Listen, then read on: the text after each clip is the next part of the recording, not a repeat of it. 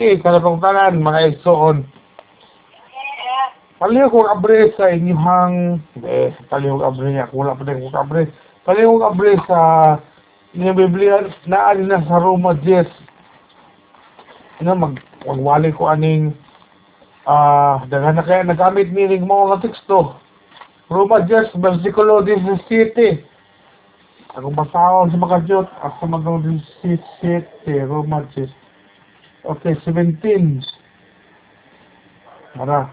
Busa ang pagto nagikan sa pagpamati sa mensahe ugal na bati nagikan sa pulong ni Kristo. Ang Dios daan na nagapanalangin siya pulong buhatong din ni ang kapayuan man kini nigawa siyang papa uli kini mula ba yung kakawang ana ayon kini mahimo nga pagpanalangin ug kausaban sa matag usa kanato. Lalay ko ng Dios sa iyang pulong. Hallelujah, Lord Jesus. Amen. Ang pagto kinahanglan nga i pagkita ipadayag. Og butang din sa teksto mga igsoon nga ang pagto muabot pinaagi sa pagpaminaw. Subot pa sa ni nga ang pagsangya mo gayud sa ebanghelyo mo na kini ang ordinaryo kayo nga paagi sa kalawasan daghan naman karon labi na og naa ang kaning Facebook. So pwede naman ka mag magsulat na sa Facebook literature evangelism ka na na pero nindot yun kung madunggan nimo ang pulong sa Diyos. Kaya pagtuo nila ni Kristo, mo man ang resulta sa pagpaminaw sa pulong. Ang pagtulunan sa Diyos nga wali sa mga nagwali. So, ang pagwali, diin nagpadala ang Diyos o babuwali, kung ang naminaw, naminaw gayon nga walay lingi-lingi, walay mga kakulian nga mo mo pawala sa iyang pagpaminaw mugawas gayud ang pagtuo sa naminaw. O kung sila mo to ang bukton ng kamot sa Diyos so padaya gina sa ilang kalawasan. So ako tulo ka punto mabuon lang ako rin tulo ka punto ang rekisito sa pagsilsil sa pagtuo requirements of instilling the faith unsa man ang mga laylain nga mga rekisito aron masilsil ang pagtuo sa mga tao. Mangutana kita ba? Ang una ni mga ito, atong i atong basahon kini akong gihatag nga bersikulo. Tito 1.3 Si Tito, si Pablo, sulat na ni Tito, sa Tito 1.3, nga sa usang panahon, di patayag niya kining kinabuhi diya kayang mensahe. Gitugyan niya kanako ang mensahe ug ako kining gisangyaw tungod kay gisugo man ako sa Dios nga atong manluluwag. Ang katong mga nagbutang sa kabugaton nga musangyaw isangyaw gayud ang mensahe. Kay nga naman kay gisugo kita bisag wala ta sugo ang lakaw dito pero daan ang naghatag og komisyon ang Ginoo kanato nga panglakaw kamo and that includes sa askaron nga panahona preaching ang usa sa rekisito aron masilsil ang pagtuo ngadto sa mga tawo ug gibutang nga tungod kay ang mensahe mahimong mapadayag ngadto sa mga naminaw. O gawas nga kining naay sari na ay nagwali di kinahanglan usab nga dawaton kining giwali nga pulong pinagi sa pagpaminaw so nakoy hatag ko na nga versikulo, Galacia 3.5. Atong basahon sa sa Galacia 3.5, nagdanayon si Pablo na sa paghatag sa Diyos kaninyo sa Espiritu o sa iyang pagbuhat sa mga milagro din na kaninyo, di mo pa niya kinit tungod kay nagtuman kamo sa balaod o tungod ba kay namati o mito kamo sa maayong balita. Pinagi sa pagpamati o pagto sa maayong balita nga atong nadunggan gikan sa mga nagwali ningawas ang mga kining nasaksihan nato ang mga gipangbuhat nga mga milagro dinhi sa nato ubay-ubay ni kung ato ning ihulag mo ba naulian kita sa atong mga balatian nautlo atong mga panghuna-huna sa kalibutan. Ato nang gikasilagan ang mga sala no pareha atong bana ni Sis Julie nga niingon siya nako kasa dito sa amo ang tigumanan sa piya sabi nga ludo na kano siya og manigarilyo siya. So nindot kayo kay kana mo na siya ang bunga sa iyang pagpaminaw. Sige sa wali kaniadto nga sa sige niya pamati ang espiritu gituklod sa balang espiritu nga ludo na siya manigarilyo salamat sa Ginoo kaya ludo na ka sa pagpanigarilyo Basig mo palik ko niya panigarilyo, kaya makalimot ka o kaya di na ka paminaw, di na mo ka mo salmot o mga ingon ani nga panagtapok. So posible nga nawala ang imong natigo mga pagtuo. So ayaw wala. No, di ka di ka tanganahan mo, no, para niluloy, luloy, di ka ganan mo inom. Ano ba, na, na, dapat na yun ang kausaban. Gitugnan na kita sa balang espiritu nga muhimo sa atong mga gipanghimo kani adto. So, si Jesus amay po, naabot sa gipaday nga, lain ka ka ilaw sinutihan. So, nahinahinay niya kausap nga, makalmaho na, o mapaubsan mo na siya ang musulti. Kaya walo na mo sabot, di kay tak awitek na yun, no? Aguman ng mga tao makasulti sa ko nga, graphic mo nagbaba si amay. Gusto lang, hinahinay lang, maulian magita. Mabago magita tanan. Sa ikatang punto, unsa man ang rekisito sa pagpalapnag sa pagtuo. What are the requirements of spreading the faith? Ang ako na pong kaning pag-spread, pagpalapnag no, na to sa pagtuo. At ang ng una sa Jeremiah 35, layo-layo mo din isa. Nasa Jeremiah 35, sa mga versikulo rin nasa Jeremiah uh, 35 verse 15.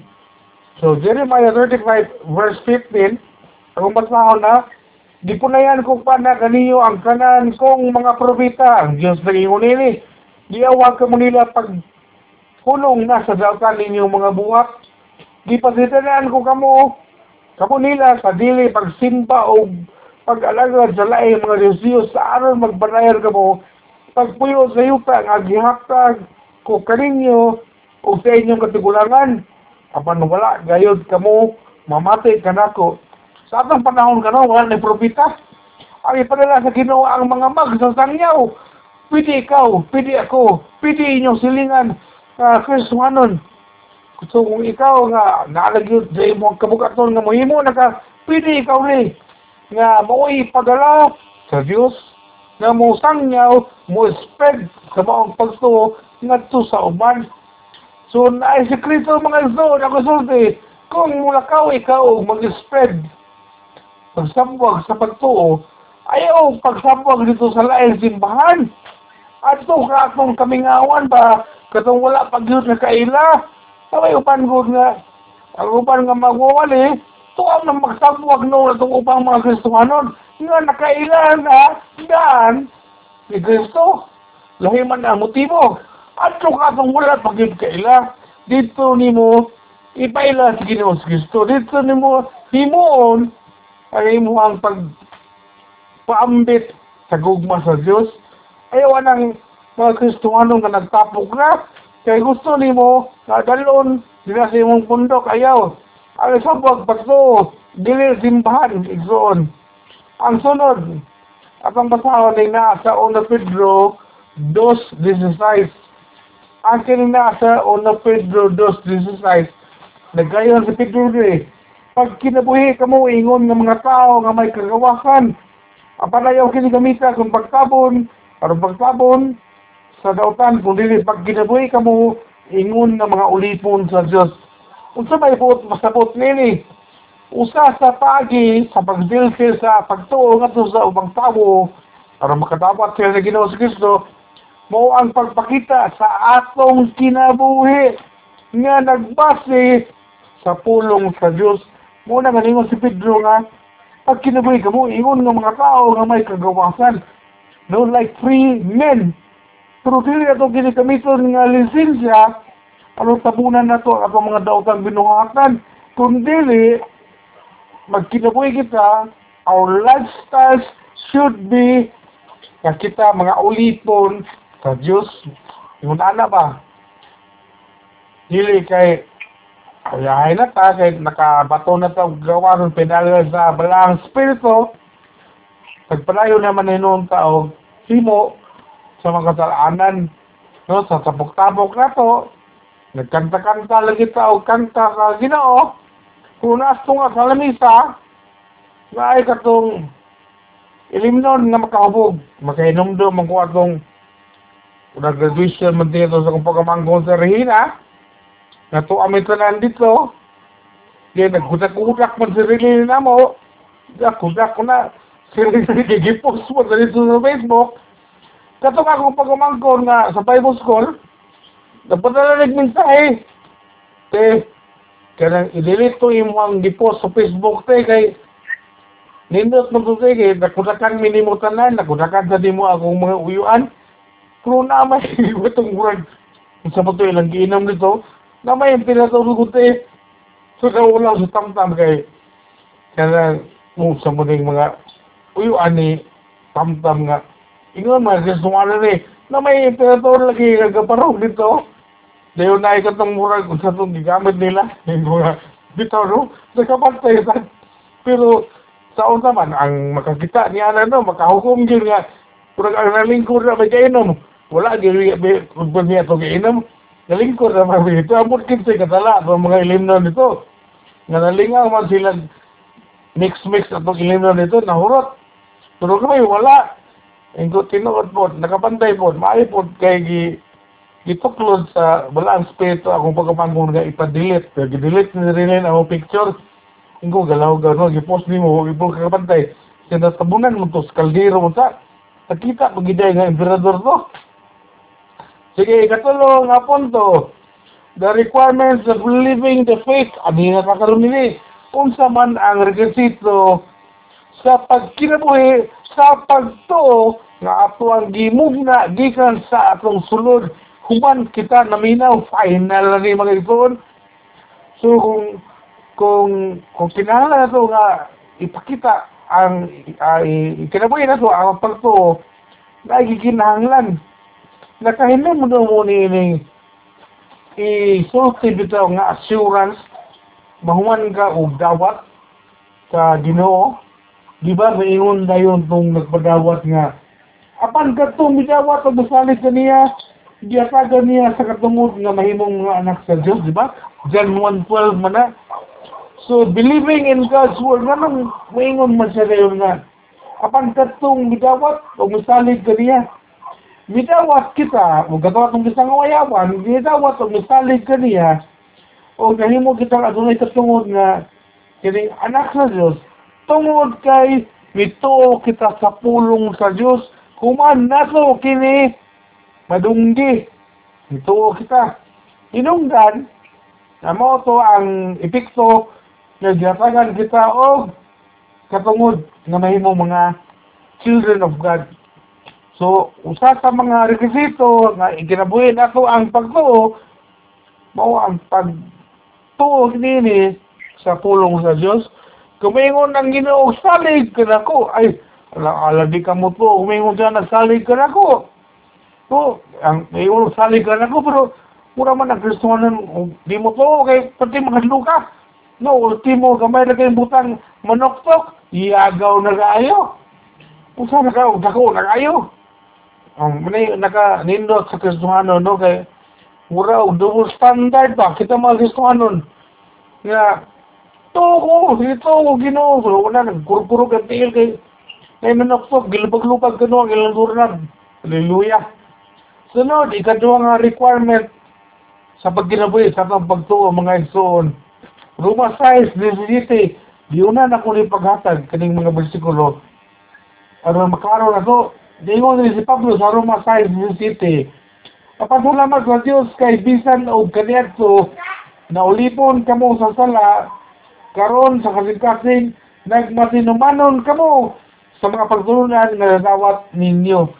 Nagmatinumanon kamo sa mga pagdulunan nga nadawat ninyo. Sa lain pa nga pagdulce mga igsoon ay insakto nga pamatasan din na sa pulong sa Dios. Unsa man ni mo ni siya ang atuang kinasing-kasing nga pagka patinumanon nga nagtuman kita sa pagtulunan. Usa ni sa requirement sa pag kibuhi na to sa pagtuo nga atong nalunggan nga atong gituuhan.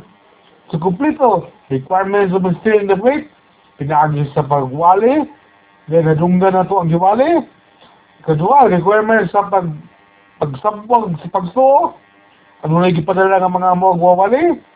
Dayon, gawas nini, ang mga magwawali o sikin na sila ng Krisuhanon, nagpakita, pinagi sila ang ginabuhi, lifestyle, nga nagbasi kayo sa pulong sa Diyos, o kami katulong nga requisitos sa pagbuyo, pag kinabuhi nila sa pagtuo, nagbatirmanon kita sa pulong sa Diyos, o kano ipakita ang insakto nga pamakasan sa pulong sa Diyos nga ang mga pagdulunan ato gayong gi sa ulo ba? Ato gayong gibutang gayon gi-apply gi-aplikar na to sa atong kinabuhi. So, salamat mga igsoon sa inyong pagpamina mabuo lang. Mabuo nga murag layo-layo man din oras sa inutos akong na gasto no?